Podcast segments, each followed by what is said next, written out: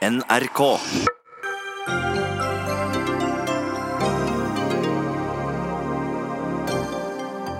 Vi må sette kundene først, sier Vy, som utfordrer Bane NOR og spør er det virkelig nødvendig å stenge tungt trafikkerte togstrekninger i seks uker, ikke bare i sommer, hver sommer. Gutteklubben Grei lever fortsatt i beste velgående, mener gründer av kampanjen Hun spanderer, og kirurg Marie Louise Sunde. Hun møter investor Jan Petter Sissener til debatt. Det var han som sa til Finansavisen at det nesten er blitt en fordel å være kvinne. Og han frykter at noen rekrutteringer ikke bare handler om å være best til jobben. Donald Trump fortsetter sin angrep på fire kvinner i Kongressen. Publikum på valgmøtet ropte 'send dem hjem'. Flere ville stille ham for riksrett, men forslaget ble avvist. Kvinner møter sommerstengte fødeavdelinger i toppfødselsmåneden juli, og fortsetter regjeringen denne politikken, må de innføre puleforbud i oktober, mener Rødt. Og hvor mye skal syvendeklassinger få lære om samisk språk?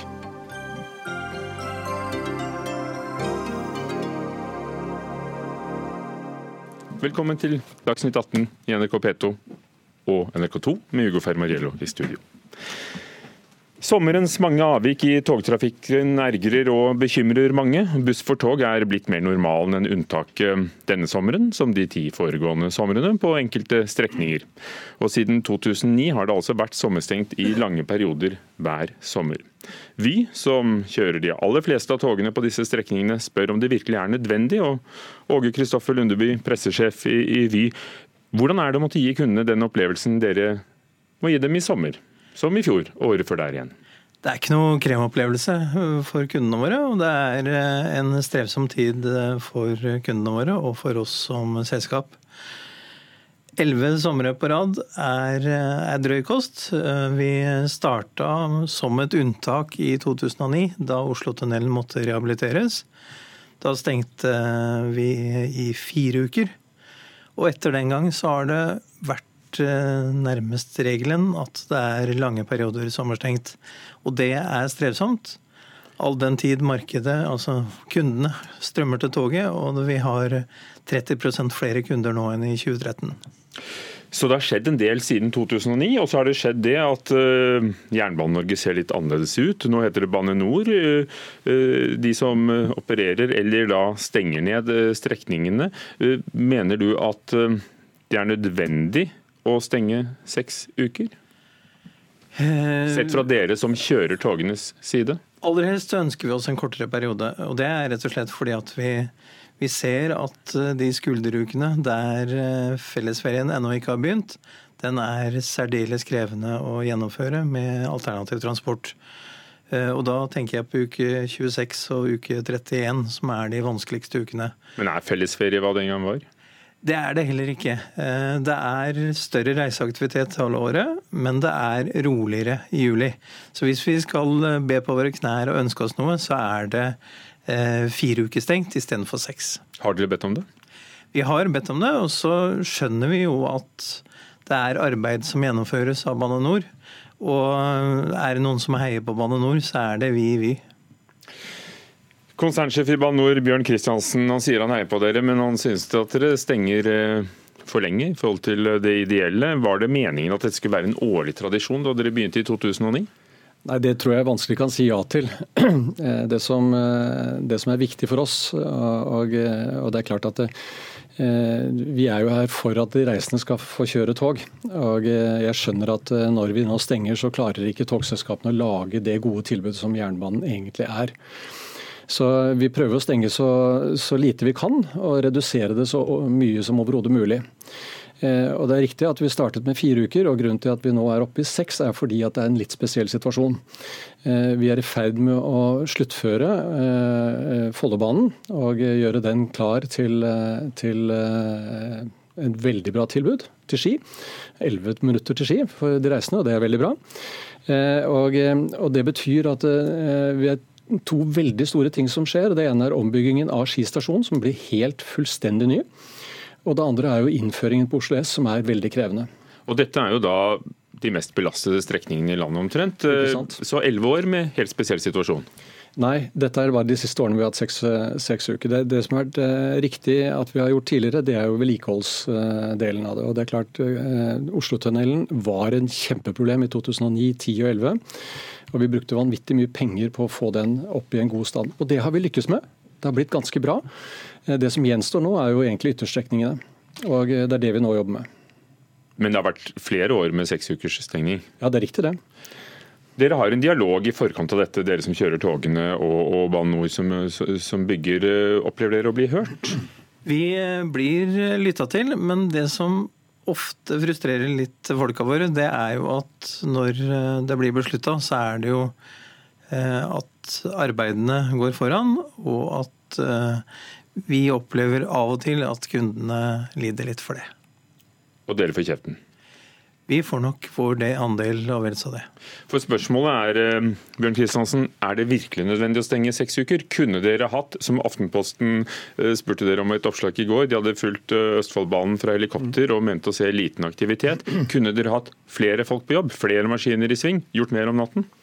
Vi har 1100 mann som jobber på dette, disse strekningene stenger nå. Ja, men om det er mye lite, vet vi ikke noe om. Nei, og Det er veldig mye. Det å utvide dette er så krevende at vi ikke tar sjansen på å gjøre det. Så vi kjører så fort vi overhodet kan akkurat nå. Og det er, ikke, det er, ikke, mulig for oss å kjøre noe raskere enn det vi gjør. Og eh, eh, når, når, vi ser bilder av at det virker som det er lite aktivitet på, på sporet, så er det fordi at de bildene som var tatt, var jo egentlig tatt fra strekninger som vi var ferdig med i fjor. Og Samtidig så er det veldig mye aktivitet som foregår både under, i tunneler, men også i, i eh, lokaler. fordi at Mye av dette er også tekniske installasjoner, altså sikringsanlegg, som er veldig, veldig krevende. Så vi, vi kan ikke si at vi kan klare oss å øke dette tempoet utover det vi har nå. Det er helt riktig som Vy sier, at de ønsker en, en, mindre, og vi har en veldig god dialog med Vy på dette. Også, det er dere begge opptatt av? Ja, nei, Vi er jo helt avhengig av det. Vi, hvis ikke vi lykkes sammen, så lykkes vi ikke i det hele tatt. Så, og eh, Det som skjer er jo at eh, vi er nødt til å gjøre noen kompromisser. Eh, og Det som skjedde denne gangen, var jo at vi på Ski avdekket kvikkleire som gjorde at vi var nødt til å bruke seks uker der. Dette var vi ikke klar over da vi eh, prosjekterte dette, og det gjør at ting tar litt lengre tid enn det vi hadde regnet med. Tror du likevel som eh, jeg holdt på å si togfører, som dere som kjører togene, at mer kunne vært gjort om natten i løpet av, av året? Aftenpostens kommentator eh, spør ironisk ville man godtatt dette i Tyskland f.eks. Må vi finne oss i mer her? Jeg tror nok at man også i utlandet opplever dette. Og det er jo I England så har man jo søndagen som en nærmest togfri dag fordi at man vedlikeholder. Eh, det samme skjer i Tyskland. Samtidig så er det jo alltid at vi, vi er på tærne og, og ser etter de gode løsningene sammen. Det å bruke natten, det å kjøre på ett spor mens man jobber på et annet, se, se på om sånne løsninger kan fungere. Det er vi opptatt av. Til de som tenker dette ville aldri skjedd i Sveits eller Tyskland, hva sier du til dem? Det er veldig enkelt, for det skjer både i Sveits og Tyskland. Og, eh, og, det er ingen tvil om jeg kjenner Tyskland svært godt, og de, de, eh, har akkurat samme problemstillingen. Det som er store forskjellen er at i Tyskland så har de mange flere alternativer til å kjøre. Slik at når vi stenger et spor, så stenger vi hele retningen. Det er det, sporet vi har, det. Og det er det sporet vi har. Men vi, bare for å ha sagt det, vi jobber hver natt. Og eh, Dilemmaet vårt er at eh, vi har noe som heter godstrafikk, som går om natten. Og vi er nødt til å ta hensyn til de. Så det betyr at vi er nødt til å gjøre de kompromissene rundt dette. Men natten er ofte for kort. Eh, noen netter er bl.a. på Oslo S så er det kun tre timer. Og det er begrenset. Du skal rigge opp og du skal rigge ned. Det tar tid. Og Det betyr at vi noen ganger er nødt til å ta weekendene, og det gjør vi jo i godt samarbeid med, med Vy, og selvfølgelig rundt eh, lavtrafikkområder, som f.eks. påske og også da eh, om sommeren. Men jeg, vi er jo helt på linje. Vi skulle jo selvfølgelig ønske å ikke stengt i det hele tatt. Samtidig så er jo dette investeringer du er veldig glad for? Kjempeflott. Vi er utrolig takknemlige for at, at, regjeringen satser så mye penger på jernbanen som de gjør. Nå har vi muligheten til å både drive vedlikehold, som vi er helt avhengig av for, for bedre punktlighet. Er dette etterslep? Har vi ligget litt etter? Vi, det er et kjempeetterslep på jernbanen. Vi klarer ikke å ta det igjen, men vi klarer å ta de viktigste strekningene. Og Nå har vi satset på én viktig strekning, og det er mellom Oslo og eh, Drammen, som 60 eh, av alle togene går på. Og det er klart at Den satser vi mye på akkurat nå, og det er derfor vi jobber veldig mye på den nå. Lundeby, du, du, du, sa i 2017 til Dagens Næringsliv at vi må evaluere denne sommeren sammen med Bane Nor. Fikk, fikk dere gjort det, og kom dere til at ja, dette, sånn må vi sannelig ha det? Vi eh, evaluerte, og svaret blei at det blei stengt seks uker eh, neste sommer, altså i fjor, og seks uker denne sommeren. Og så må vi sette oss sammen, og dette er en Du ser jo på temperaturen her at det er jo ikke den høyeste temperaturen, men vi, vi snakker godt sammen, eh, og så må vi tenke kunde for eh, å få til de gode løsningene. Men Er dere blitt offer for egen suksess her? Altså det at eh, dette noen vil kalle det kaos.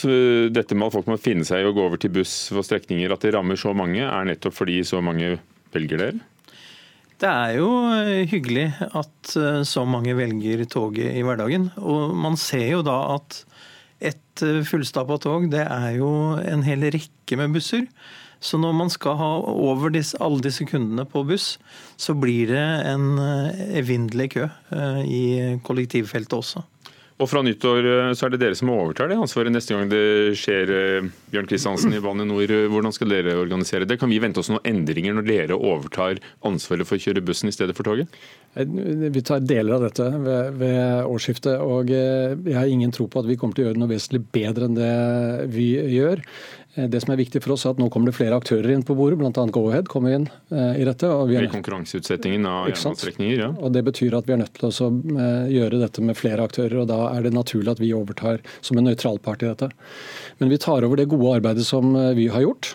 Eh, bruker det som basis for det arbeidet vi nå setter i gang med. Hvor mange somre må vi belage oss på eh, stengte strekninger? Jeg har bare lyst til å si en ting, fordi at Den vurderingen som er riktig, som vi gjorde, den ble også gjort året før. det var En konklusjon av dette den er ganske viktig. fordi at eh, Det vi ble enige om med togselskapene, var at vi skulle ta kun én hovedstrekning av gangen. Det betyr at derfor så er f.eks. Eh, linje 1, altså mot Lillestrøm, den er fortsatt åpen nå. Mens det er kun nå Østfoldbanen pga. Follobanen som, som vi nå stenger. Så vi prøver å gjøre belastningen noe mindre. Det får vi iallfall ta med oss på den positive siden. Og det rammer først og fremst folk rundt hovedstaden? Ja, Det er jo der vi har den største trafikken, og det er der vi har heldigvis den største satsingen på jernbanen akkurat nå. Takk skal du ha, Bjørn Kristiansen, konsernsjef i, i Bane NOR. Direktør, vil jeg si. Ja, direktør. Ja. Det vil vi Sjefen, sjefen er på ferie. Takk skal du ha. Eh, og Når det er sagt, så fortsetter vi med, med, tog. For eh, en av dem som opplevde å ta buss for tog, er journalist Unn Christensen. Hun delte sin historie i Dagsavisen og forteller om en hjemtur som begynte i Stockholm og gikk helt til Skoppum i Vestfold. Det ble en tur som ikke var den du hadde Tenk deg, Unn Christensen, hva skjedde? Ja, Det ble veldig slitsomt. For vi kom som du nevnte fra Stockholm og hadde allerede hatt buss for tog der. Så vi hadde reist i åtte timer da vi kom til Oslo S. Der ble vi henvist til uh, lokaltoget til Skøyen. Vi skulle reise til uh, Skoppum, som ligger mellom Tønsberg og Holmestrand. Da vi kom til Skøyen, så ventet vi et kvarter før bussene kom. Vi sa at vi skulle videre med Vestfoldbanen, men måtte likevel innom de tre stasjonene mellom Skøyen og Drammen. Da vi kom fram til Drammen, eh, så var det gått fem minutter over den oppsatte tida for toget til Skoppum. Og Da fikk vi vite at toget hadde gått. Og det, det var veldig voldsomt, da, for da hadde vi reist i ti timer. Vi hadde en lang ventetid på Oslo S. Og det begynte å bli veldig, vi begynte å bli slitne, og vi skjønte ikke at toget kunne ha gått. I og med at det er buss for tog og tog, så bør det være en sammenheng. Og buss, toget må da vente på buss for tog. Dere fulgte oppskriften, mener du, som dere skulle gjøre? Ja, vi gikk på den bussen vi ble henvist til på Skøyen. Og vi løp nærmest fra Strømsø torg i Drammen til perrongene, og der var toget gått. Nå blir det mye geografi og godtes over, men vi skjønner at det blir dårlig tid, og dere fikk ikke toget. Eh, og Kristoffer Lundeby, fortsatt pressesjef i Vy, når du hører denne historien, hvilke tanker gjør du deg? Det er jo eh, et tydelig tegn på den belastningen som eh, mange kunder opplever i disse dager, med, med økt reisetid og frustrasjoner over at toget har gått når bussen kommer frem. Det er nemlig slik at mellom Skøyen og Drammen så er det en eh, busspendel som går eh, uavhengig av toggangen. Så er dere ikke lenger ansvarlig for å få folk frem for å rekke forbindelsen? De har jo kjøpt billett helt frem? De har kjøpt billett helt frem, men vi, vi kan rett og slett ikke garantere at det, den bussen kommer. For den, den, går hele tiden, og det er ikke slik at uh, togene kan vente på alle bussene. Ja, hva sier du Christensen? Holder det, mener du? Nei, absolutt ikke. Fordi det er jo en Vi har jo betalt for én reise, og vi skal fra Skøyen eller Oslo S til Skoppum. Og da kan det ikke Det er helt nytt det da toget går fra bussen. Slik har det aldri vært før. Det har alltid vært slik at bussen da venter på Nei, toget venter på bussen. Ja, la oss høre, Lundeby. Er dette noe nytt? Var det sånn at eh, før så var du garantert eh, forbindelsen? I 2017 så var det slik Christensen hevder, men i fjor så begynte vi en ny praksis. Vil du kalle det en forbedring?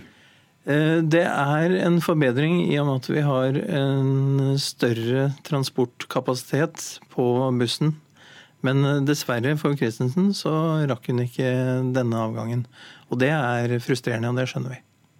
Du, det er ikke det at ikke jeg rakk den. Også bussen som jeg var henvist til i den reisen jeg skulle foreta, jeg rakk ikke den. Jeg hadde jo ventet én time på Oslo S for å ta lokaltoget til Skøyen. Der ble vi ventende i ytterligere et kvarter. Det er ikke noe jeg velger. Nei, det, det, det jeg tenker er uh, En av uh, de feilene jeg har registrert her, er jo at du ble sittende på Oslo S og vente, mens du egentlig burde blitt sendt til Skøyen, slik at du hadde rukket det toget fra Drammen. Og da spør vi deg, er informasjonsarbeidet godt nok, deres godt nok? Tydeligvis ikke. Takk skal dere ha, begge to. Åge Kristoffer Lundeby, pressesjef i Vi. Unn Christensen, passasjer. Dagsnytt 18 alle hverdager kl 18.00 på NRK P2 og NRK2. USAs president Donald Trump har fortsatt å angripe fire kongressmedlemmer. På et eh, valgmøte i Nord-Carolina gjorde han det, og han fikk med seg publikum. And obviously and importantly, Omar has a history of launching vicious anti-Semitic screeds.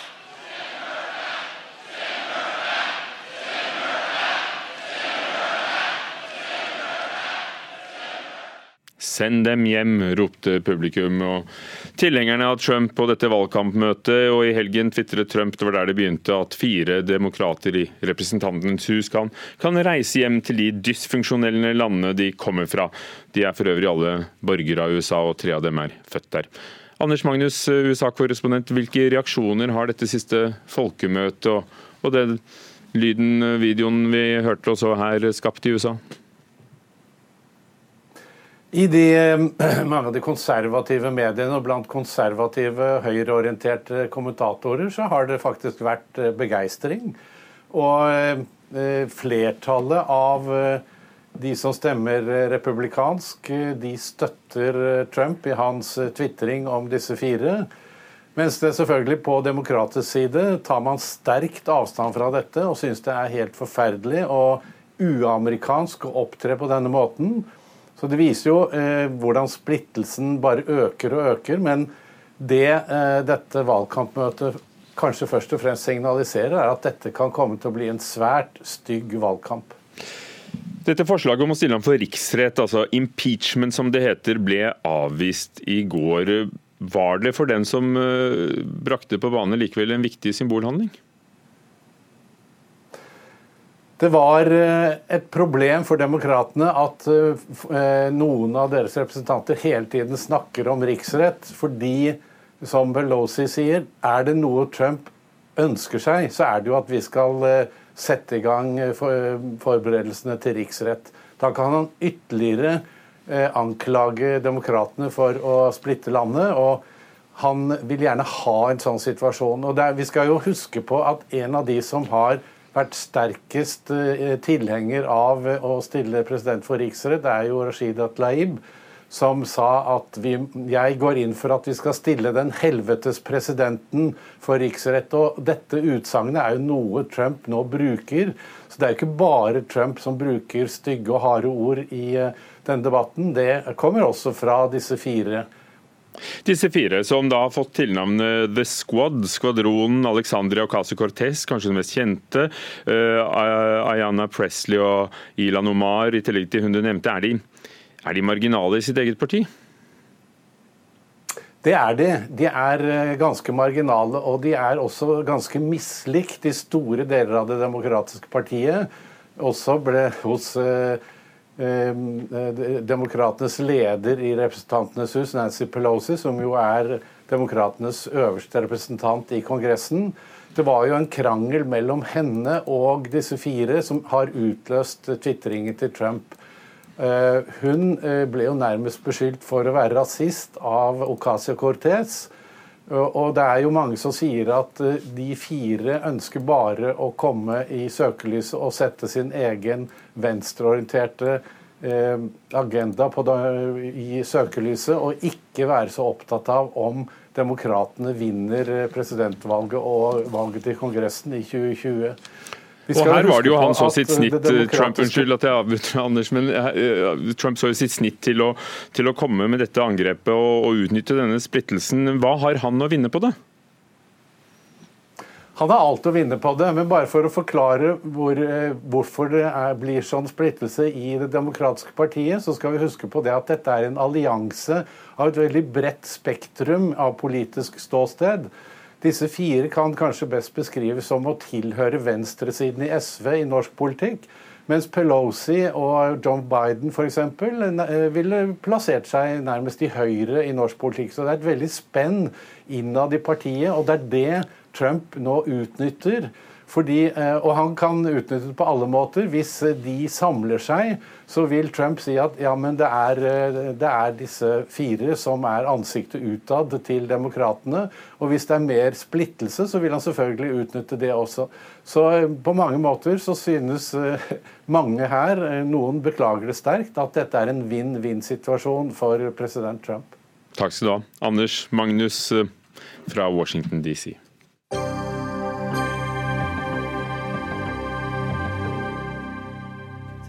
Er næringslivet dominert av middelaldrende hvite menn, eller gutteklubben Grei, som den ofte er blitt eh, kalt? Vi ser jo nå toppsjefer i Norsk Hydro og DNB som er nyansatte kvinner. Men er det fordi de har best kompetanse? Jan Petter Sissener, investor og daglig leder i ditt eget investorselskap Sissener. Dette begynte med at du besvarte Finansavisens sommerspørsmål, der du sa at det kan virke som om noen kvinnelige toppledere er valgt fordi de er kvinner og ikke nødvendigvis de dyktigste. Kan du begrunne og utdype påstanden?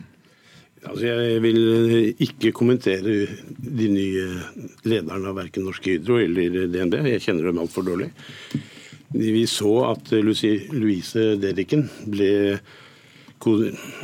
utnevnt som ambassadør til Nato-kommisjonen. Militæret i Nato, ja. Til tross for at hun ikke var eh, kan du si, den foretrukne av innstillingsrådet. Hun var innstilling nummer to, tror jeg. Da hun fikk jobben i, eh, som sjef for Forsvarets høgskole, så var hun ikke innstilt i det hele tatt, men trukket ut fra siden. Det jeg mener uh, Men Nå snakker vi først og fremst om næringslivet her, som du også har fulgt nå i mange tiår. Ja, men jeg, jeg tror det gjenspeiler hele samfunnet. Og jeg tror ikke det er nødvendig lenger å øh, kan du si, kvotere inn kvinner. Dyktige kvinner, og det er også Louise Dedichen et bevis på, sannsynligvis, får den jobben de fortjener når de har ambisjoner og legger seg til, kan si, søker seg til den stillingen. Så øh, jeg tror øh, gutteklubben Grei har jeg bevillig ikke hvit skjorte på meg.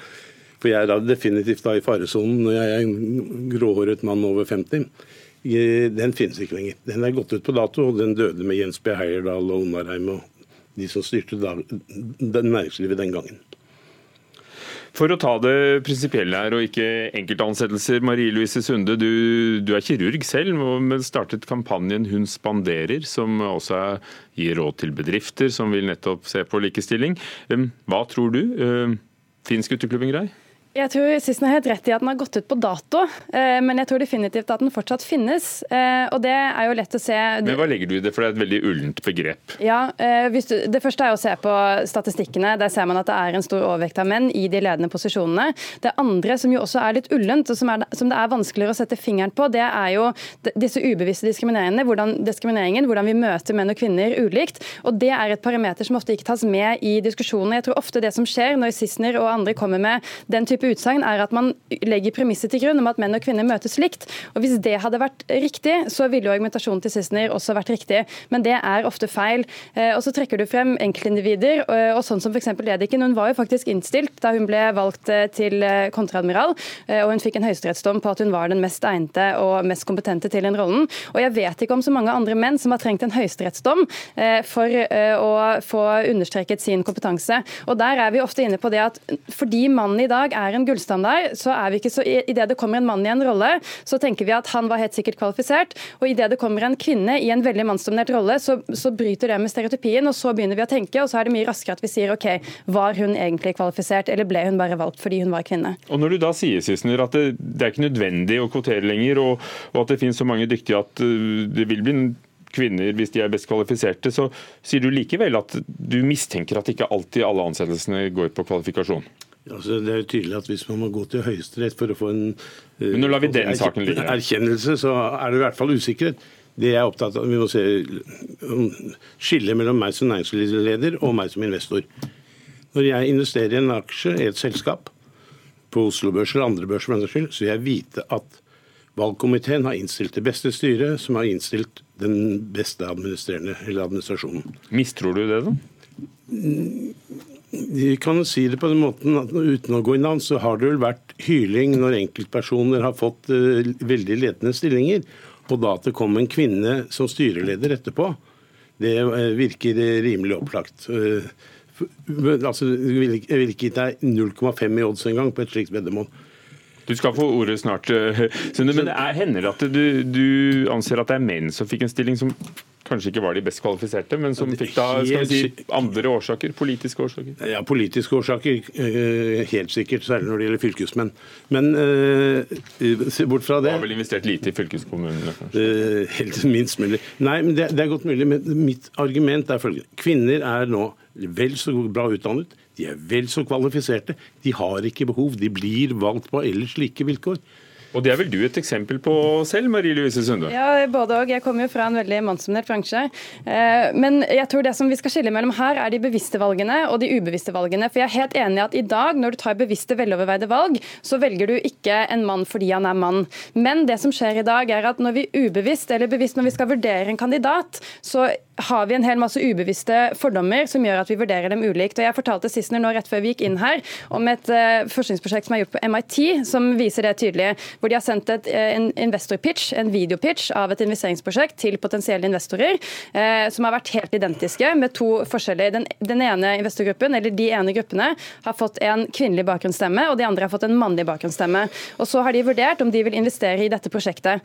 De som fikk den mannlige bakgrunnsstemmen, der er det 70% som sier at dette er et kjempebra bra prosjekt, det har vi lyst til å investere i. De som fikk den kvinnelige bakgrunnsstemmen, da er det 30% som sier det samme. Sånn at uh, i, Selv om vi håper at vi er objektive, så er vi ikke det. Uh, og Der møter kvinner fremdeles i dag en hel masse ubevisste fordommer som gjør at spillereglene ikke er helt like. Jeg skal være eh, veldig kjapt bare kommentere. Jeg kjenner ikke den undersøkelsen referert til, men den MIT skulle tilsi at den er Amerika og Amerika ligger milevis bak oss hva gjelder likestilling. Har du, har du, hvilken forandring har du sett på de årene du har, du, du har jobbet i store banker, du har drevet for deg selv og fulgt næringslivet i flere tiår? Altså, da jeg begynte i næringslivet, nå er du tilbake på midten av eller tidlig 80-tall, så ser jeg i hvert fall nå i ettertid, i ettertid at det nok var en skal si, en gutteklubben grei som hadde en tendens til å sitte i hverandres styrer, og de utnevnte slags ble enige om hvem som skulle bli de nye lederne. Det er vi vokst fra. Jeg tror vi har hatt mye, veldig positivt eh, all denne fokuseringen på kvotering, men jeg tror nå er det gått ut på dato. Du sier selv du kommer fra en mannsdominert bransje. Den er så mannsdominert at nå vurderer man å kvotere inn menn fordi det er blitt altfor få av dem. Så eh, jeg, jeg, tror det har virket, og jeg tror alle i dag håper jeg i hvert fall, at alle blir ansatt pga. kvalifikasjoner, ikke fordi de har et eller annet kjønn. Torbjørn Røe Isaksen, næringsminister fra Høyre med oss fra Skien. Du ble intervjuet i samme spalte i Finansavisen. Hva svarte du på spørsmålet om det er blitt en fordel å være kvinne når nye sjefer skal rekrutteres? Jeg svarte at det er eh, åpenbart sprøyt, eh, for det er det ikke. Eh, selv, om, eh, selv, om, alt annet likt, så kan det godt hende at man foretrekker en kvinne framfor en mann. Men hele poenget her er jo at hvis du har et eh, privat selskap, så er, det, så er topplederen helt avgjørende. Og det å tro at et privat selskap eller et styre i et privat selskap er villig til å kompromisse på dyktighet av hensyn til et eller annet politisk ideal, det, det tror jeg ikke noe på i det hele tatt. Så de kvinnene som blir ansatt, blir det fordi de er dyktige. Punktum finale.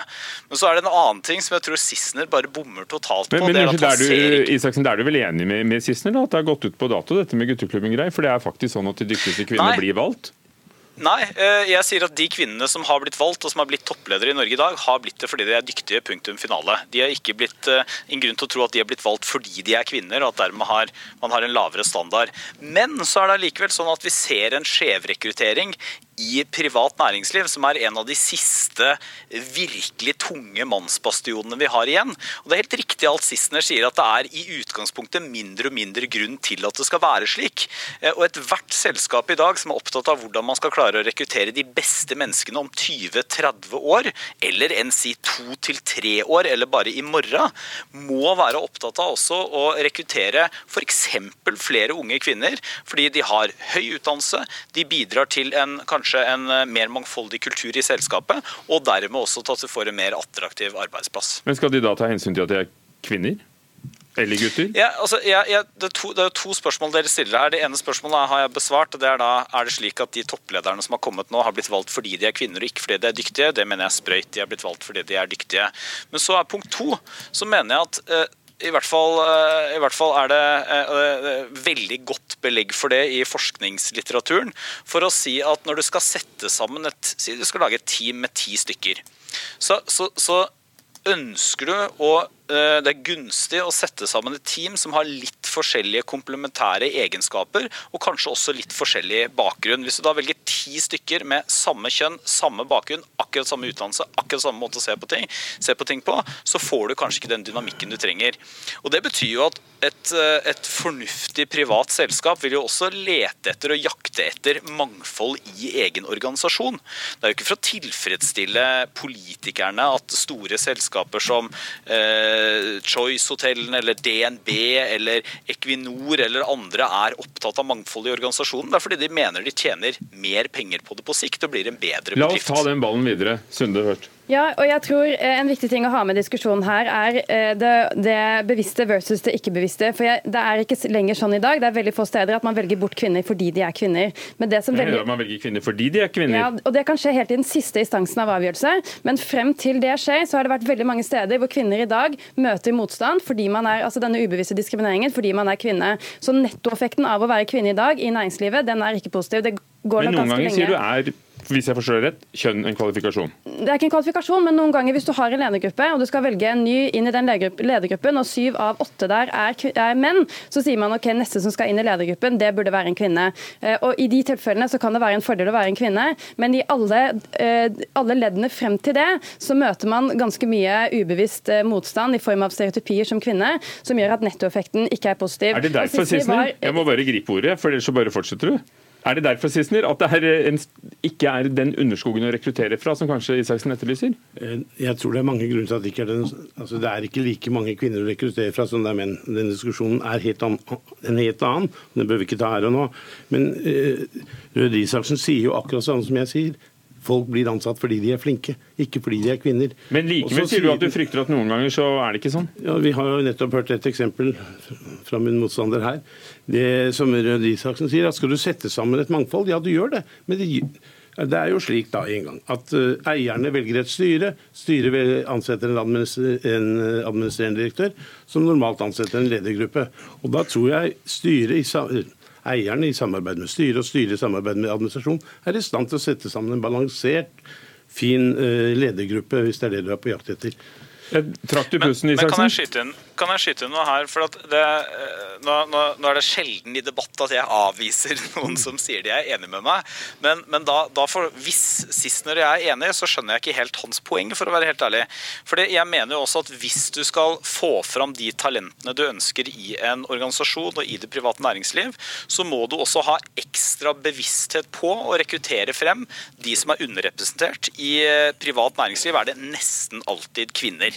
Eh, og Det skyldes jo nettopp mange av de ekskluderingsmekanismene som, eh, som, blir beskrevet her, som gjør at eh, privat næringsliv, selv om man har flere dyktige kvinner og flere kvinner med helt optimal utdanning med tanke på det man ønsker, enn noen gang tidligere i norsk historie, så går utviklingen altfor tregt. Og Det skyldes jo bl.a. at det er noen utsilingsmekanismer der som gjør at allikevel, selv om du har fått flere kvinner å rekruttere fra i teorien, så ender du allikevel for ofte opp med menn. Hva sier du, Sissener?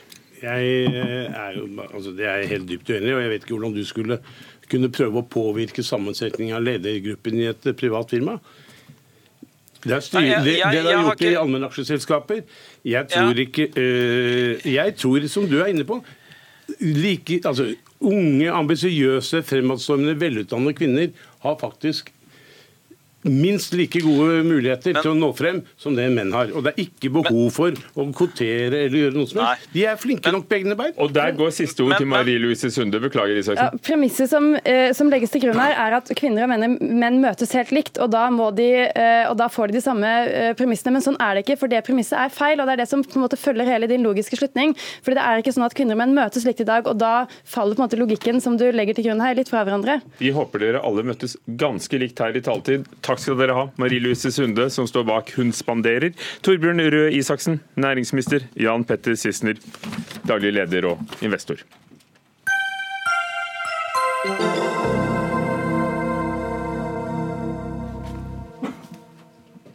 Skal du føde barn i juli, da bør man holde seg i nærheten av byene dersom du vil ha tilgang på rask fødselshjelp. Hvis ikke, så kan det hende at du møter en sommerstengt fødeavdeling. Til tross for at eh, Juli er den måneden det fødes flest barn. Denne sommeren vil om lag 1000 kvinner møte stengte dører fordi de ansatte har fått ferie. Fødeavdelingen er stengt, og så må de føde lenger unna hjemme. Og Se Raidar, du er politisk rådgiver for Rødt og, og skeptisk til disse sommerstengningene. Hva, hva er det du har å utsette på at helseforetakene organiserer seg sånn? Det er jo først og fremst fordi at uh, over 1000 kvinner eh, kommer til å møte stengte dører i sin nærmeste fødeavdeling i sommer når de skal føde. Og Det er egentlig ganske eh, si galskap å stenge fødeavdelinger den, i den måneden når det er flest fødsler i Norge. Og Grunnen til at jeg reagerer, grunnen til at Rødt reagerer, at jordmødre reagerer, at fødende kvinner reagerer, er fordi at vi mener at vi trenger trygghet og mulighet til oppfølging. Og Når fødeavdelingen stenges, så mister vi også den muligheten. Mathilde Tybring-Gjedde, stortingsrepresentant fra Høyre. Ja, må vi simpelthen sørge for, eller dere, at alle fødeavdelingene holdes åpne i den måneden hvor de da beviselig trengs mest? Her er jeg Aydar enig på én ting, nemlig at det skal være trygghet og god oppfølging av eh, kvinner som er gravide og skal føde. Men i sommerferien så er det to hensyn man må, man må klare å ivareta. Det ene er jo at det er veldig mange jordmødre, sykepleiere, barnepleiere som skal ha ferie i fellesferien med sin familie og sine barn. Eh, samtidig som jeg ikke, i motsetning til Rødt her, er villig til å redusere de kravene vi stiller til at fødselstilbudet skal være bra. Det skal ikke være forskjell på det faglig forsvarlige tilbudet som kvinner får, en ganske sårbar posisjon, i juli eller i desember. Og Derfor så mener jeg at det, er, at det er riktig at det er en lang tradisjon i Norge at noen steder, ikke alle, men noen steder så tilpasser man tilbudet for å sikre at det er et godt, forsvarlig tilbud når folk har ferie. Eh, og Det betyr av og til at man har en felles samling i noen uker om sommerferien. Eh, men til Med lengre reisevei for fødende kvinner? Eh, ja, det blir noe lengre reisevei, men eh, hvis alternativet hadde jo nettopp vært at du f.eks. kunne hatt en eh, institusjon, en fødeinstitusjon hvor du hadde veldig mange vikarer som var der i sommeren, som ikke kjenner de lokale forholdene. Og Da tror jeg også opplevelsen av trygghet for kvinner ville vært, ville vært verre. Nå vet man i hvert fall at de nasjonale kravene vi stiller til faglig forsvarlighet, kvalitet og trygghet, de gjelder uansett, og det er viktig for kvinner. I så fall så er her Høyre uenig med jordmødre som jobber på bakken og er i det her hver dag. F.eks.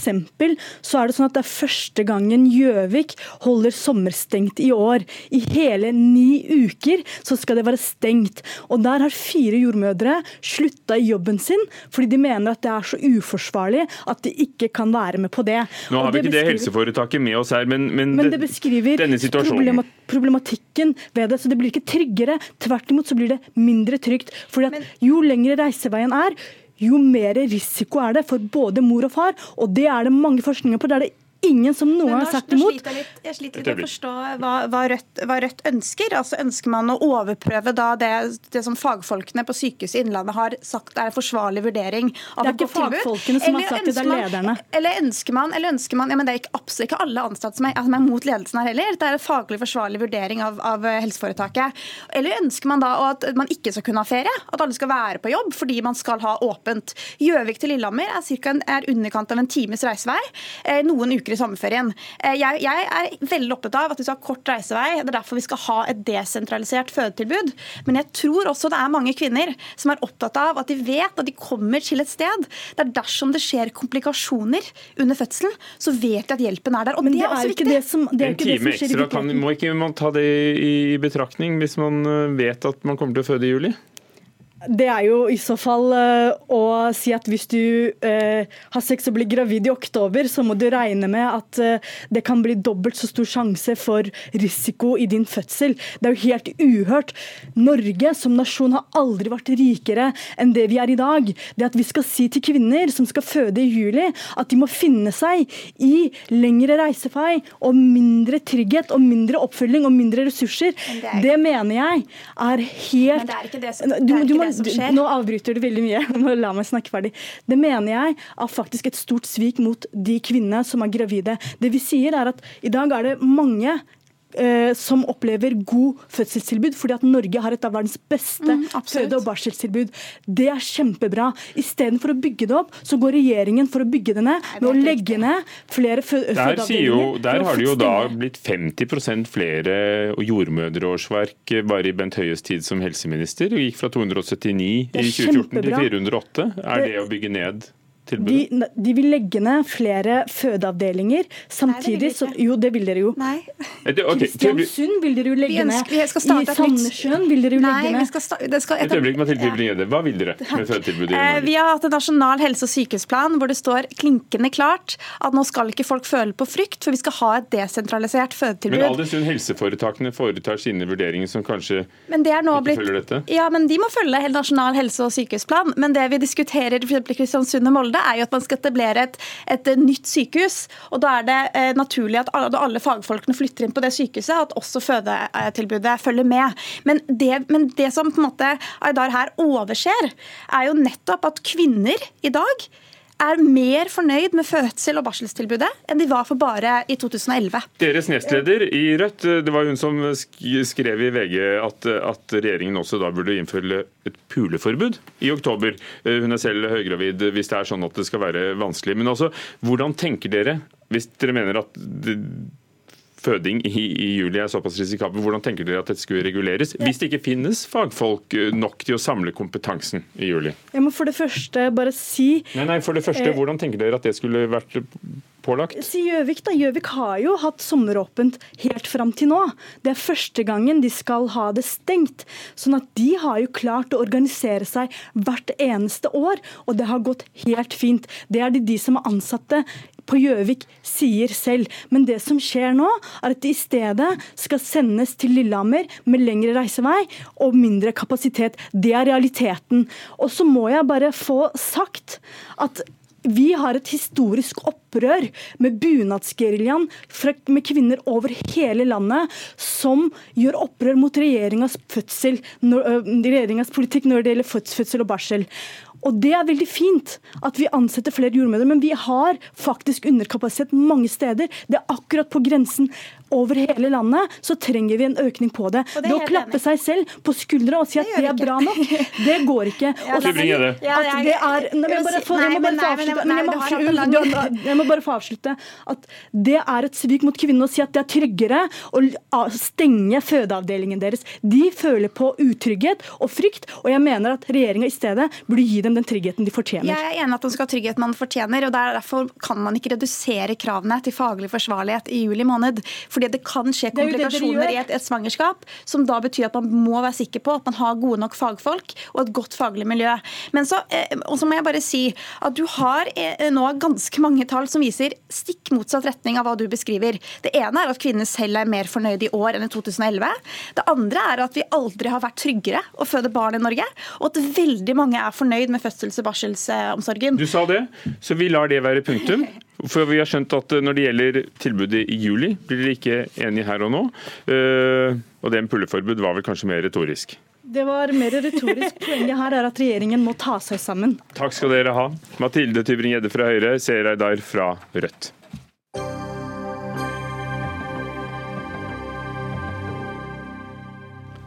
I juni var siste frist for å komme med innspill til de nye læreplanene til Utdanningsdirektoratet. Og nytt i læreplanene er at elever, er forslaget, skal lære om de samiske språkene og det samiske alfabetet i syvende klasse. Elevenes egne organisasjoner mener at det er unødvendig og vil ha det bort før de nye kompetansemålene til syvende klasse skal tre i kraft. Og aller først eh, Eivind Yrjan Stamnes, tidligere sentralstyremedlem i Elevorganisasjonen. Nå øh, sentralstyremedlem i den samiske ungdomsorganisasjonen Noir. Hva er det disse læreplanene som er foreslått, vil, vil gjøre at eh, folk får lære? Nå er ikke poenget med dette punktet at man skal lære å pugge alfabetet. Men det handler om at eh, alfabetet det er utrolig essensielt for språket og for forståelsen. Eh, Og Hensikten det er ikke å pugge de spesielle bokstavene vi har i de samiske alfabetene, men å forstå uttale, sammenheng, likheter og ulikheter. Vi har eh, elleve samiske språk. Fem av de står på Unescos liste over svært utrydningstruede språk. Og Det er en eh, alvorlig situasjon som jeg opplever at eh, vi som storsamfunn må ta et ansvar for.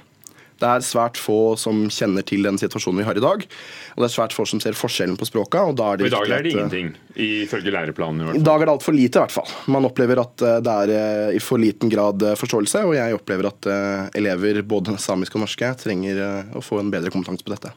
Leder i Elevorganisasjonen Alida de Lange Dagostino. Yes. Eh, Hvorfor har, vil dere eh, kutte ut dette punktet? Ja, eh, jeg har lest, eh, lest gjennom alle læreplaner, og jeg kan med hånden på hjertet si at de er smekkfulle.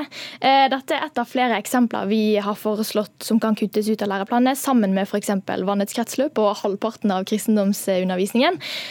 Og Det er viktig også å presisere her at å ta det samiske alfabetet ut av faget samisk, det er helt absurd. Det er ikke det, det, er ikke det vi mener her. Det er snakk om at alle syvendeklassinger i Norge skal lære å uttale det samiske alfabetet.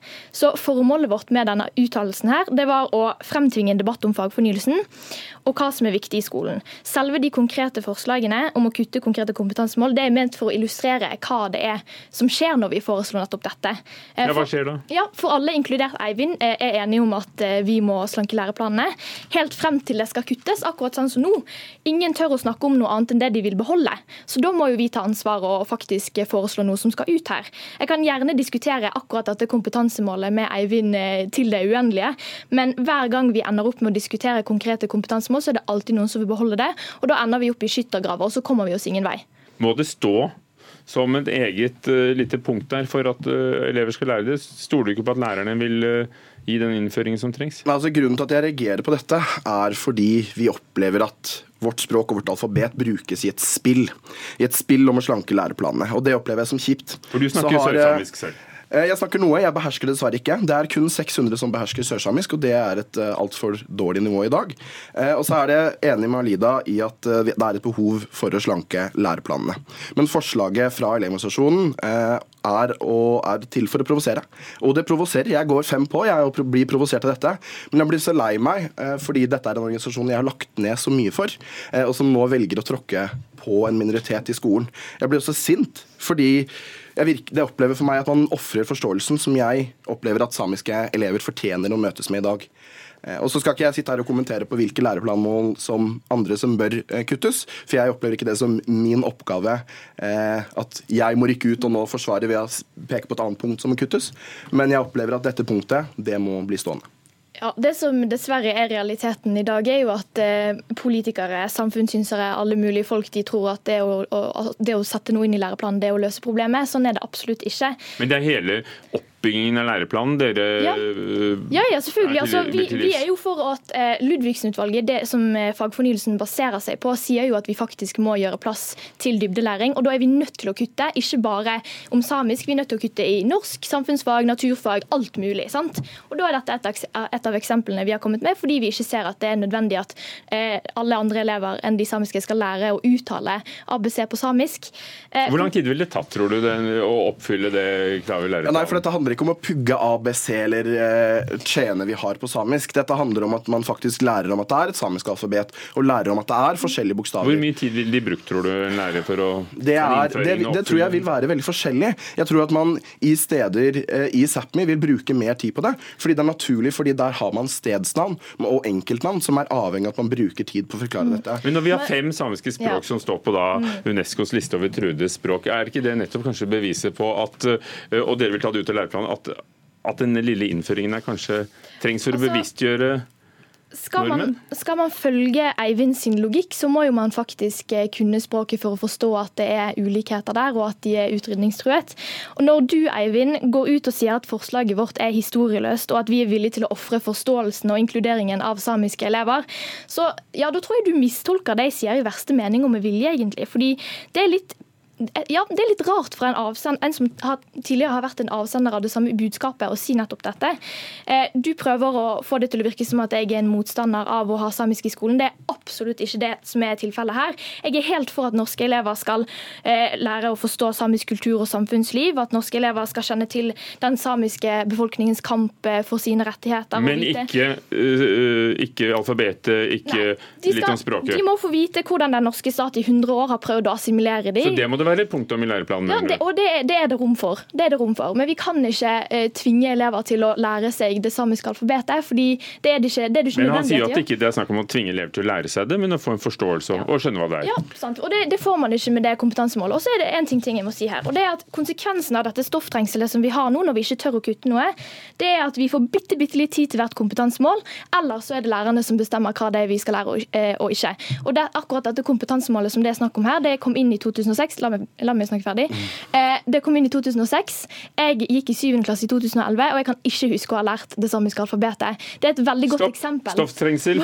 ja, nei, for programmet Dette handler ikke om at man skal pugge dette samiske alfabetet. Man pugger ikke runer i dag i norsk skole, selv om man lærer om norrønt og man lærer om runer. Og sånn er det rett og slett ikke. Så syns jeg det er historieløst. I år er det eh, det internasjonale året for urfolksspråk. Vi har omsider fått satt ut en sannhets- og forsoningskomité, hvor markerer også 60 år siden forbudet mot samisk i Norge ble opphevet. Og 60 år det er en veldig veldig kort tid siden. Tror du direktoratet vil lytte til dine etterfølgere i Elevorganisasjonen og ta det bort? Jeg tror direktoratet velger å lytte til kong Olav, som sa for 30 år siden at Lea Gøkte Olmeg, Samje Gilatje. I Norges land er det to, språk, to folk, nordmenn og samer. Og Her var det to debattanter, og vi kommer ikke lenger nå. Takk skal dere ha, begge to. Alida de Lange Dagostino fra Elevorganisasjonen og Eivind Yrjan Stamnes, bl.a. i ungdomsorganisasjonen NOAR, som er samisk. Dagsnytt 18 på NRK P2 og NRK2.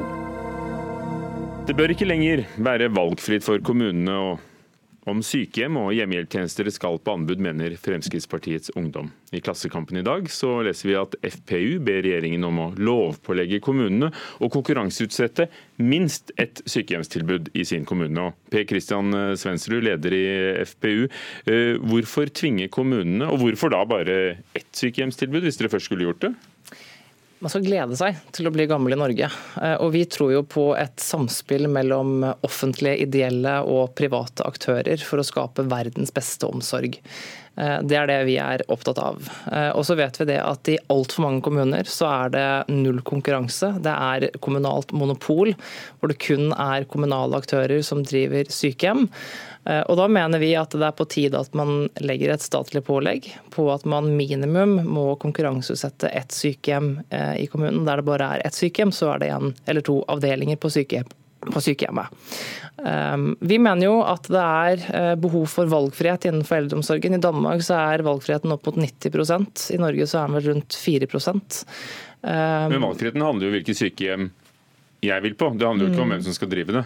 Nei, men vi vet jo det at Hvis man får flere private sykehjem, så vil man også øke kapasiteten. Ergo vil det være en, behov, en mulighet for å øke valgfriheten. Og Det er det vi er opptatt av. Vi ønsker best mulig omsorg, og det tror vi gjennom mangfold og valgfrihet. Astrid Hoem, nestleder i AUF. Hvordan tror du en sånn lovendring ville slå inn? Ja, jeg må innrømme at Jeg ble ganske overraska når jeg så Klassekampen i dag. Jeg syns det forslaget her er ganske ekstremt. Å be kommuner om å tvangsprivatisere når man ikke ønsker det. Og jeg mener jo at Nå er det lokalvalg, og noe av det fineste i demokratiet vårt er jo at folk kan stemme på om de er enig med Bjørn Kristian, at man ønsker å slippe større kommersielle selskap inn i velferden vår. Du er mot privatiseringen, er du det? Jeg er mot store kommersielle selskaper inn i velferden vår, sånn som vi har sett f.eks. i Aleris-saken, som nå er kjøpt opp av et stort eh, oppkjøpsfirma, eller andre saker som lignende. Men poenget her er at det er jo valgfrihet for man har lokalvalg 9.9. Og da skal man stemme da, om man ønsker den retninga som Bjørn Kristian legger fram, med mer privatisering, eller om man ønsker et sterkt offentlig velferdstilbud, sånn som vi ønsker i Arbeiderpartiet. Og det her er å ta fra valgfriheten fra velgerne og fra kommunene når man sier at man skal tvangsprivatisere nedover fra statlig hold. Er dette en konflikt om uh, hvor langt lokaldemokratiet skal gå, eller om uh, helsetilbud kan drives av private? Jeg mener jo at de som har bygd opp landet vårt, ikke skal utsettes for dårlige prioriteringer prioriteringer blant eh, kommunepolitikerne. Jeg mener at vi er nødt til å strebe etter den beste omsorgen, og da mener jeg at vi har et ansvar. Uh, Ville det vært at... mulig, som du ser det i lovverket, å tvinge en kommune til å, å konkurranseutsette et sånt tilbud? Ja, naturligvis. Det er klart at vi kan gjøre det, men da trengs det en lovendring. Men hvis man f.eks. ser på Arbeiderpartiet sin politikk i Oslo, så er det et veldig godt eksempel på hvordan eldreomsorgen styres med Arbeiderpartiet. Siden 2015 så er det blitt 433 færre sykehjemsplasser. Man rekommunaliserer og har kommet frem til at dersom man hadde utført anbudskonkurranser på sykehjemmene, så ville man hatt 400 millioner kroner mer til velferd hvis man hadde gjort det. Det gjør ikke Arbeiderpartiet i Oslo. Mer for penga, sier han. Ja, Dere er uenig. Det sier jo òg Heidi Gautung, som forsker på Oslo Mett i Klassekampen i dag, hvis jeg får fullført, eh, at det er faktisk dyrere å privatisere. Og jeg syns det er litt rart at vi ikke lærer av eh, f.eks. sånn som man har gjort i Sverige. Det man har gjort akkurat det Bjørn Kristian foreslår. Der ser man for det første at det blir en mer sentralisering. Jeg kommer fra Møre og Romsdal. Det er ikke sånn at det er et stort marked der for å åpne opp for private tilbydere. Man ser at de som trenger det aller mest, ikke får tilbudet. At ulikheten øker i helsesektoren. Og man ser at det er dårligere arbeidsforhold. At sju store konsern velferden driver halvparten av den offentlige velferden. Sånn ønsker ikke jeg å ha det i Norge. Det er jo sykepleiere og, og, og, leger i offentlig helsevesen som blir tilbudt 14 stillinger og, og slike historier òg. Det med arbeidsforholdene, uh, handler det om privat eller offentlig? Det er det dessverre. Og jeg er opptatt av at i valget her så skal man få til flere heltidsstillinger, at man skal sikre at folk har trygge arbeidsvilkår uansett. Men det man ser f.eks. i Aleris-saken, ja. der man ser, som er en rettssak nå, der man ser at man jobber på konsulentstillinger, at man jobber overtid uten å få betalt, at det er ganske store ting som går inn i et privat selskap som har drevet med velferd i Norge. I dag er det altså bare tolv kommuner som konkurranseutsetter sykehjemstilbudet. Ja. Det, viser behovet for nettopp å få en, eh, en, statlig påføring om at man er nødt til å gjennomføre mer konkurranseutsetting. Eller viser det at sånn kommunen ikke ønsker det. Men La meg fullføre en liten ting. Fordi Det Astrid er opptatt av, det er systemet, og ikke at vi skal få verdens beste omsorg. Jo, det er det du sier. Og så er det sånn at Hver gang det kommer én enkeltsak innenfor privat omsorg, så bruker AUF for alt det er verdt. Og ja, jeg er også helt enig i at alle selskap, uavhengig om det er privat eller offentlig, skal følge norsk lov. Men hvor er AUF når Trondheim kommune brøyt arbeidsmiljøloven med 26 000 eh, små lovbrudd? Hvor er AUF når det viser seg at innenfor helse- og omsorgssektoren så har Porsgrunn kommune eh, 2000 alvorlige avvik? Hvor er AUF da? Altså Uavhengig, uavhengig av uavhengig om det er privat eller offentlig, så er brudd enten på arbeidsmiljøloven eller helse- og omsorgsloven like alvorlig. Og vi er nødt til å ta tak i det, uavhengig om det er privat eller offentlig. Våre skattepenger skal gå til. Jeg ønsker at hver ene eneste krone man betaler inn av lønna si i skattepenger, skal gå tilbake til vår felles offentlige velferd. Men det du foreslår, er jo privatisering, der man ser òg at det blir tatt ut utbytte som ikke kommer befolkninga til Norge gode. Her snakker jeg om f.eks. Hvor stort utbytte er? For eksempel, ja. Hvor stort utbytte? Blant annet så kan du se i barnehager der man Nei, totalt innenfor, innenfor sykehjem. Hvor stort er utbyttet? Poenget er at man blir oppkjøpt av store opp... er utbyttet? Her har jeg et spørsmål jeg vil ha svar på. 3 3 av utbyttet. 97% går rett tilbake til helse og omsorg. Med 2% margin som eh, de har de som driver. Det er tall fra NHO Service og Handel. Er det fristende for investorer som er ute etter store overskudd? Det viser seg at det er 2% margin, viser NHO-tall. Det er klart det er fristende i et, åpent, et marked som er regulert av det offentlige i dag, der vi yter vårt beste og folk gjør sitt beste Vil på hver dag. hver eneste dag. AUF ha et profittforbud i Helse-Norge? Jeg ønsker å ha et profittforbud. Jeg ønsker ikke at man skal kunne ta ut profitt av skattebetalernes penger, som bør gå Vil hver dere gjøre det samme krone. som dem? Overstyre lokaldemokratiet og tvinge kommunene til ikke å Jeg ønsker konkurranseutsette? mer eh, lokaldemokrati, bl.a. vetorett på privatskoler. At man skal få lov til å legge ned vetorett, sånn at det ikke blir en eh, demokratisk overstyring der kommunene ikke får lov til å si noe sjøl. Astrid Hoem, nestleder i AUF, Per Kristian Svendsrud, leder i PFU. Dag Dørum var ansvarlig for Dagsnytt 18. Frode Thorshaug, teknisk ansvarlig. Ugo Fermariello, programleder. Vi høres i morgen klokken 18 i P2 og NRK2.